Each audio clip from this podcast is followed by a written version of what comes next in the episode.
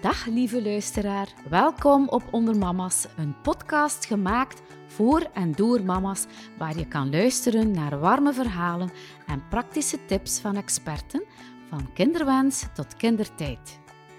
Ik ben Sonja Pijpaard, mama, auteur en jouw host in deze aflevering.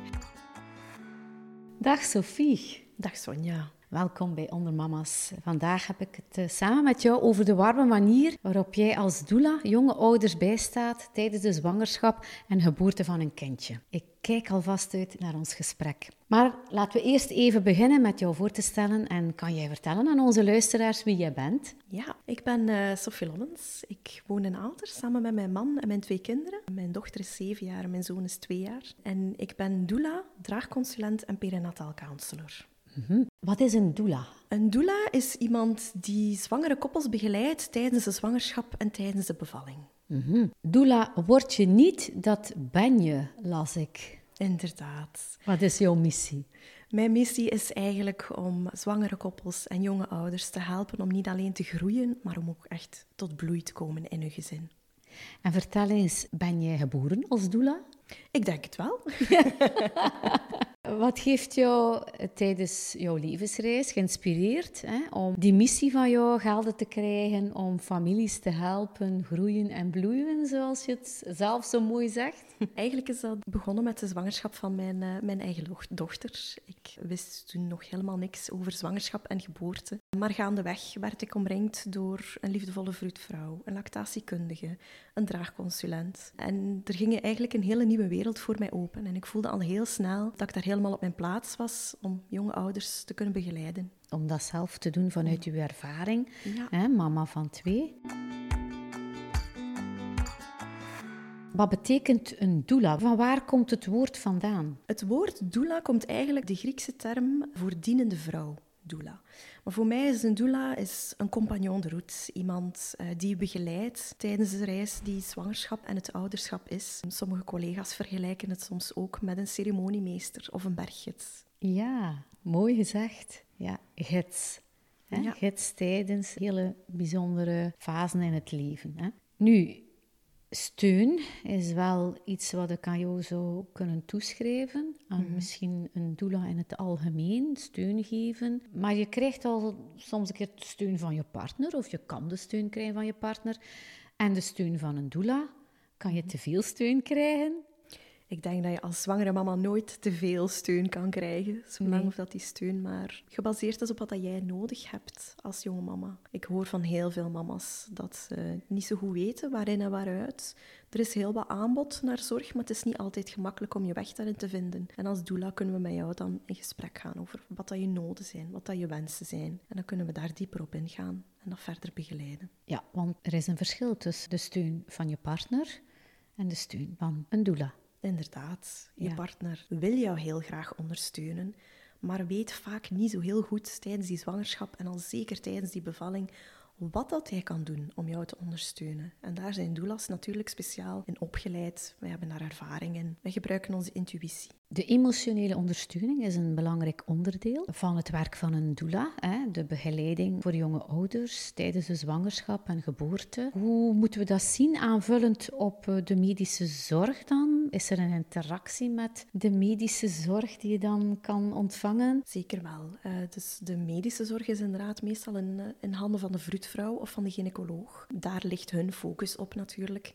Als doula ligt onze focus eerder op het emotionele en het fysieke stuk. Als je als mama je heel onzeker of heel onrustig voelt in, uh, in de geboortekamer, dan is het natuurlijk niet zo makkelijk om jou te ontspannen. En een gespannen lijf, dan is het heel moeilijk om die baby uh, zijn weg te laten vinden.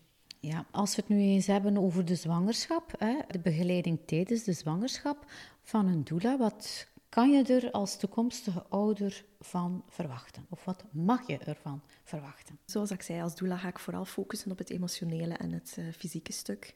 Een doula-begeleiding bestaat meestal uit een aantal gesprekken tijdens de zwangerschap. Dan zien wij elkaar een drie à viertal keer. Dan kom ik langs. We kunnen het hebben over jouw geboortewensen, over bepaalde comforttechnieken.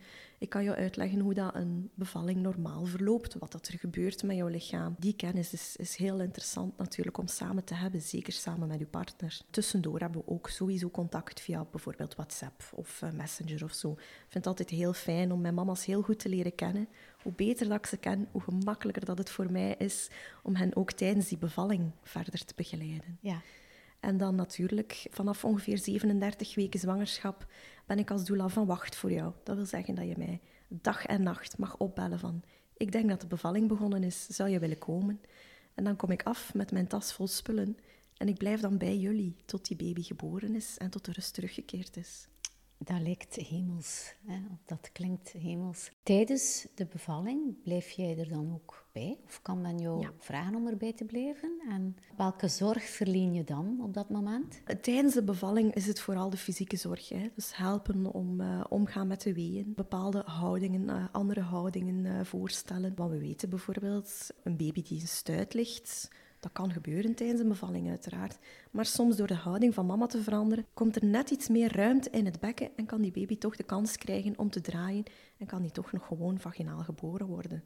Dus dat zijn heel waardevolle momenten als je daar kan ingrijpen. Daarnaast ook gewoon de praktische dingen. Uh, zorgen dat je voldoende drinkt, dat je toch nog iets eet om jouw energie op peil te houden. Ook papa ondersteunen sowieso. Hè? Dat hij weet wat dat hij kan doen om jou te helpen tijdens die moeilijke momenten. Mm Ja, eigenlijk een beetje de vertaalslag maken doe jij dan tussen de noden van de mama en hoe moet de partner dat eigenlijk interpreteren? Of wat kan hij, hè, meer nog, wat kan hij doen? Want Die, ja, die kan zich een beetje verloren eh, voelen hè, tijdens het proces van uh, de bevalling. Inderdaad. Ja, hè? Veel papa's willen heel graag ondersteunen, maar weten niet zo goed hoe dat ze dat kunnen doen. En dan is het fijn als doula, met al die kennis en die ervaring, kan ik vaak beter inschatten waar dat mama nood aan heeft. Kan ik bijvoorbeeld een techniek voortonen om wat ontspanning in jouw lichaam te brengen, dan kan papa dat doen. Ja, en zo steun en bemoedigende woorden. Hè? Wat doet dat met de mens? Wat krijg je daarvoor terug? Ah, ik denk dat, dat uh, die steun en bemoedigende woorden, dat, dat helpt u om in uzelf te vertrouwen en om het proces verder aan te vatten. Zo heb ik dat toch zelf ervaren tijdens de geboorte van mijn kinderen. Ja, ja, je krijgt er een boost van eigenlijk. Hè? Je, je ziet het weer zitten. Dan kan een dipje hebben in het proces en het niet meer zien zitten. Maar mm. toch met die steun en die bemoedigende woorden kan je de reis verder zetten. Hè? Ja. Of soms gewoon een bemoedigende blik. Soms is eventjes oogcontact maken ook al voldoende. Ja, ja. Ben jij dan een soort oudercoach? Ja, eigenlijk wel. Eigenlijk ben ik uh, een soort vertrouwenspersoon voor de ouders. Ik ben er gedurende de hele zwangerschap en de hele bevalling op het moment dat ze mij nodig hebben. Kan iedereen zomaar doula worden of bestaat daar een opleiding voor? Wel, doula is eigenlijk geen beschermde term. Dus in theorie zou iedereen zich doula kunnen noemen, maar er bestaan wel degelijk opleidingen voor. Hè. Je kan het eigenlijk vergelijken met een fotograaf. Het is niet omdat iemand op het knopje van een camera kan duwen, dat hij daarom ook een goede fotograaf is. In Vlaanderen kan je bijvoorbeeld de opleiding volgen bij de Vlaamse Federatie van Doulas of bij Birdwise. Meestal bestaat het uit een reeks uh, lesmomenten waarin dat je contact hebt met collega's, dat je theorie krijgt, dat je uh, technieken inoefent. Maar een heel groot stuk is ook thuisstudie en uh, stages volgen. En waar kan je dan die stages volgen? Die stages bestaan meestal uit het zelfstandig begeleiden van een drietal koppels. Dus doorheen de hele zwangerschap en de bevalling. Dan worden daar verslagen van geschreven, zodat je feedback krijgt van je mentor. En dat je elke keer iets beter weet wat je moet doen. Ja, want uh, klas na wetenschappelijk onderzoek in 1997 werd er voor het eerst gesproken over het doula-effect. Klopt? Inderdaad. En wat is dat juist? Wel, eigenlijk wouden twee kinderartsen een onderzoek doen naar de hechting tussen uh, moeders en hun pasgeboren baby. En ze wouden dat doen door pasbevallen mama's te laten observeren door studenten.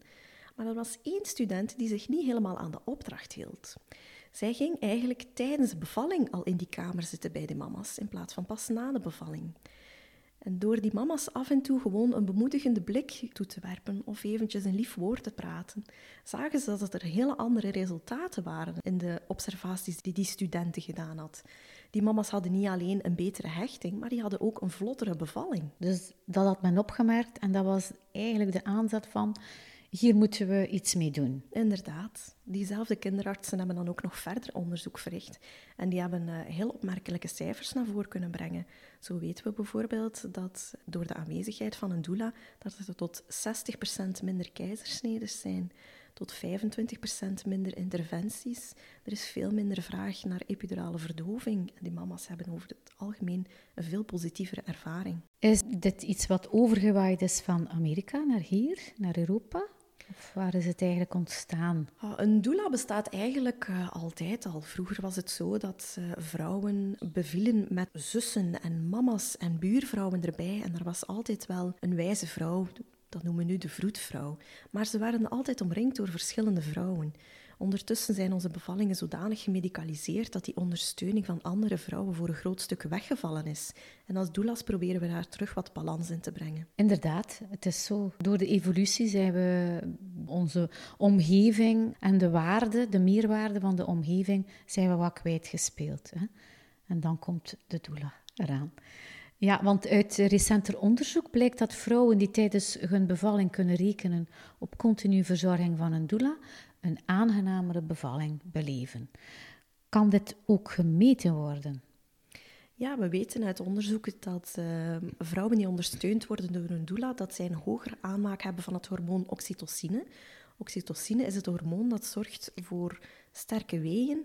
Het is het knuffelhormoon. Ja, ja, dat komt af en toe naar voren hè, als we spreken over uh, zwangerschap en, en, bevallen. Inderdaad, dus heel belangrijk. En dit kan je meten. De hoeveelheid oxytocine kan je meten in het bloed. En wat dat ook heel speciaal is om te weten, is dat oxytocine die door het lichaam zelf aangemaakt wordt, die gaat er ook voor zorgen dat het lichaam meer endorfines aanmaakt. Endorfine is een ander hormoon, dat kennen we wel van de runner's high. Dat is eigenlijk een natuurlijke pijnstiller. Dus uh, allemaal goede redenen om te kiezen voor de deskundige en warme bijleiding van een doula. Absoluut. Eigenlijk geeft ons lichaam aan dat het tijd is voor de aanmaak van eigenlijk zelfregulerende vorm van medicijnen, als we het zo Inderdaad. Ons lichaam heeft dat goed geregeld. De aanmaak van oxytocine, die mhm. zorgt voor de ween, voor de samentrekking van de baarmoeder, gaat tegelijk ook die endorfines laten produceren, die dan net weer pijnstillend werken. Het is een hele mooie cyclus. Ja. Nu, een doula wordt wel eens vergeleken met een vroedvrouw. Sophie, wat is het verschil? Wel, een vroedvrouw die focust op het medische stuk. Zij heeft de medische verantwoordelijkheid. Een doula focust op het emotionele stuk. Dus het is echt een andere... We leggen er een ander accent in. Het is een hele mooie aanvulling op elkaar. Ja, dus terwijl dat de vroedvrouw meer naar het medische en het ja, eh, zorgt dat proces dan medisch goed gevolgd wordt, uh, eventueel samen met de gynaecoloog, dat dat in goede banen geleid wordt, gaan jullie dan als doula meer in op het emotioneel welzijn. Hè? Of daar aan die zijde ervoor zorgen dat de situatie optimaal gevolgd wordt, zodanig dat de noden van de mama eigenlijk op een spontane en naturele manier ingevuld worden. Dat klopt, dat klopt. Wij gaan er inderdaad voor zorgen dat mama zich haar gemak voelt. Dat ze alles heeft wat ze nodig heeft. Dat ze niet koud heeft. Uh, dat ze voldoende gegeten heeft. Maar wij gaan ook gaan helpen door andere houdingen aan te bieden. Door warme compressen te leggen. Door massage te geven. Acupressuur toe te passen. Tegendruk. Er zijn heel wat technieken die we kunnen toepassen tijdens de bevalling om het mama zo aangenaam mogelijk te maken. Mhm. Wat is volgens jou de grootste meerwaarde van een doula? Wat ik zelf mm, tijdens mijn zwangerschappen ervaren heb, is dat het heel fijn is om iemand te hebben die aan uw zijde staat.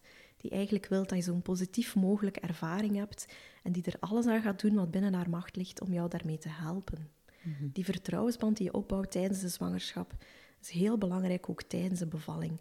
Je intuïtie, dat met één blik hadden wij vaak genoeg om te weten wat ik nodig had en dan kon zij daar meteen op inspelen. Als je het hebt over doulazorg, dan zijn er een aantal pijlers hè, waarop die doulazorg is gesteund. Dat klopt.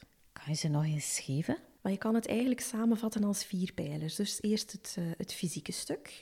Tijdens het fysieke stuk, zowel tijdens de bevalling als, uh, als tijdens de zwangerschap, gaan we eigenlijk gaan kijken naar Als je misschien kleine kwaaltjes ervaart of dat we daar iets kunnen doen. Als je spanning ervaart in je onderrug of in je bekkenbodem, dan kan misschien een kleine aanpassing in je levensstijl of een andere houding of een massage om wat ontspanning te brengen, kan daar zeker mee helpen. Ja, je hebt dan ook nog de emotionele pijler. Heel kort samengevat is dat er vooral voor zorgen dat, dat jij je vol vertrouwen voelt, dat je geen angsten meer voelt en dat je durft gewoon mee te gaan in het ritme van jouw lichaam.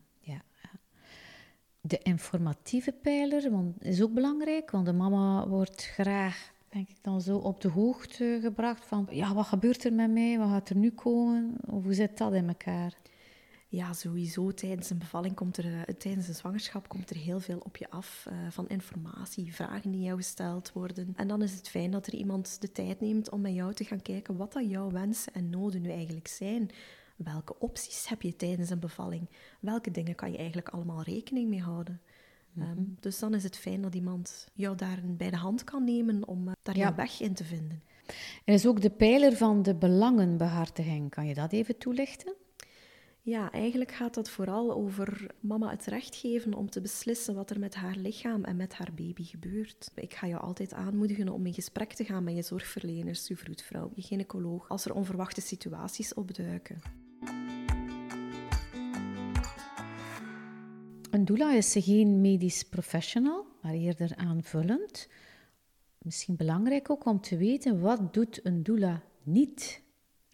Wel, sowieso ga ik geen medische handelingen uitvoeren. Ik ga bijvoorbeeld niet naar de harttonen van de baby luisteren of ontsluiting meten. Uh, ik ga ook geen diagnose stellen.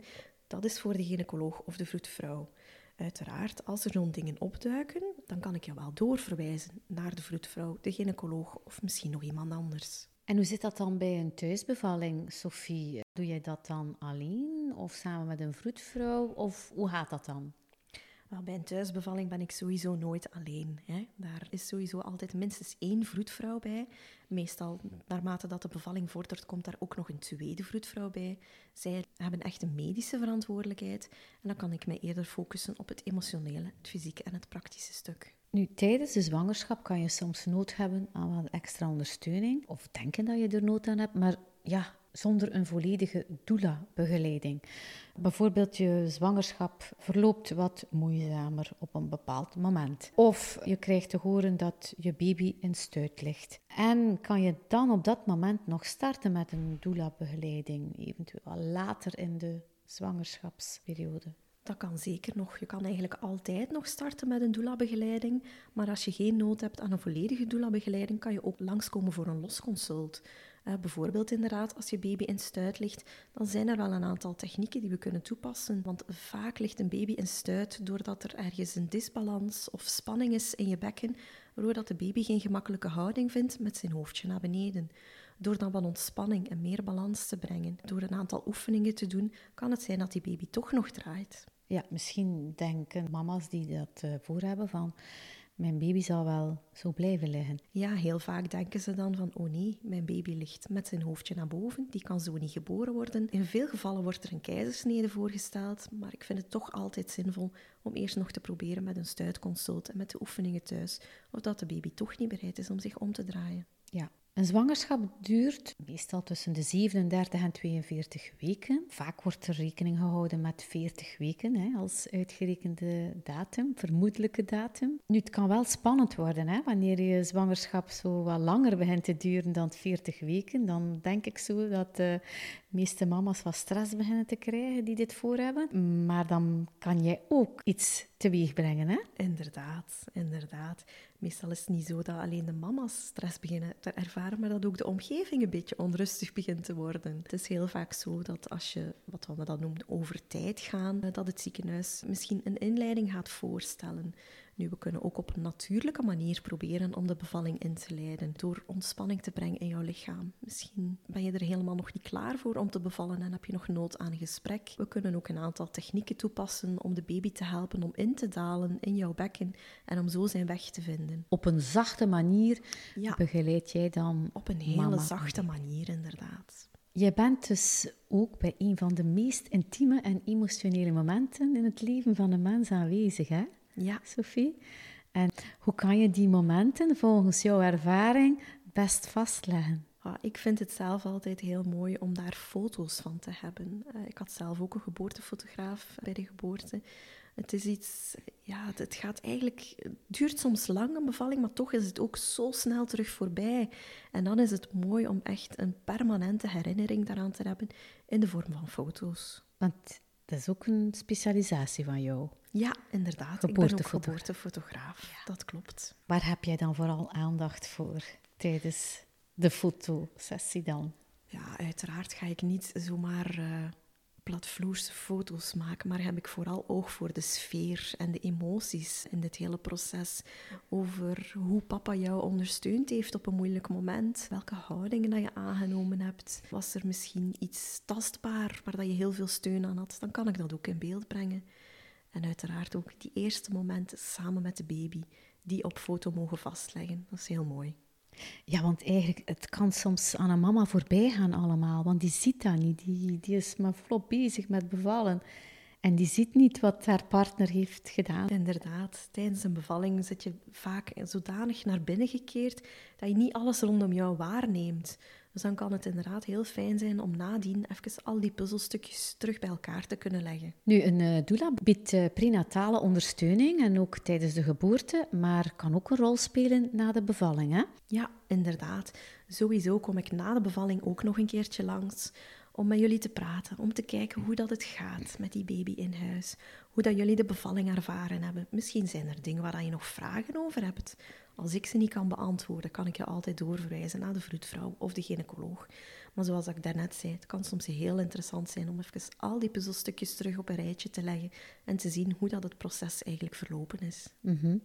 Want uh, ga jij dan ook in op de, de hechting, het eerste contact met de baby, samen de dag doorbrengen met de baby, hoe verloopt dat? Ja, die verbondenheid die toch wel zeer, zeer belangrijk is. Absoluut. Eigenlijk begint die verbondenheid al als de baby nog in de buik zit.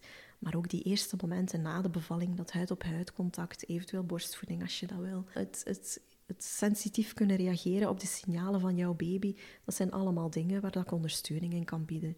Zijn lichaamstaal proberen begrijpen, verschillende geluidjes die hij maakt. De meeste daarvan hebben een betekenis, maar er komt geen handleiding bij die baby. Dus ja, hoe leer je dat dan?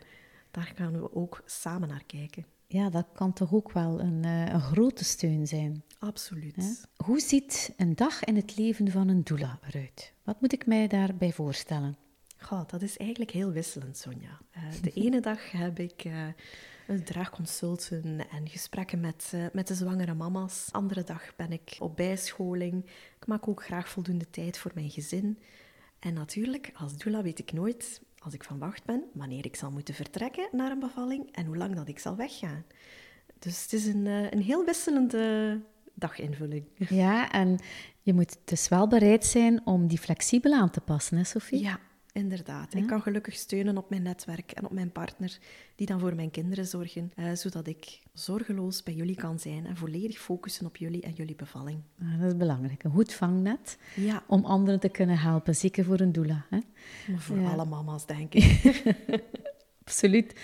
Wanneer iemand een beroep doet op de hulp van een doula, eh, krijgt hij dan een tegemoetkoming door de mutualiteit of verzekering? Of... Het is zo dat er op dit moment eigenlijk nog geen algemene terugbetaling is, maar er zijn wel een aantal mutualiteiten en hospitalisatieverzekeringen die een gedeeltelijke terugbetaling aanbieden. Dus het loont altijd om je wel vooraf eventjes te informeren.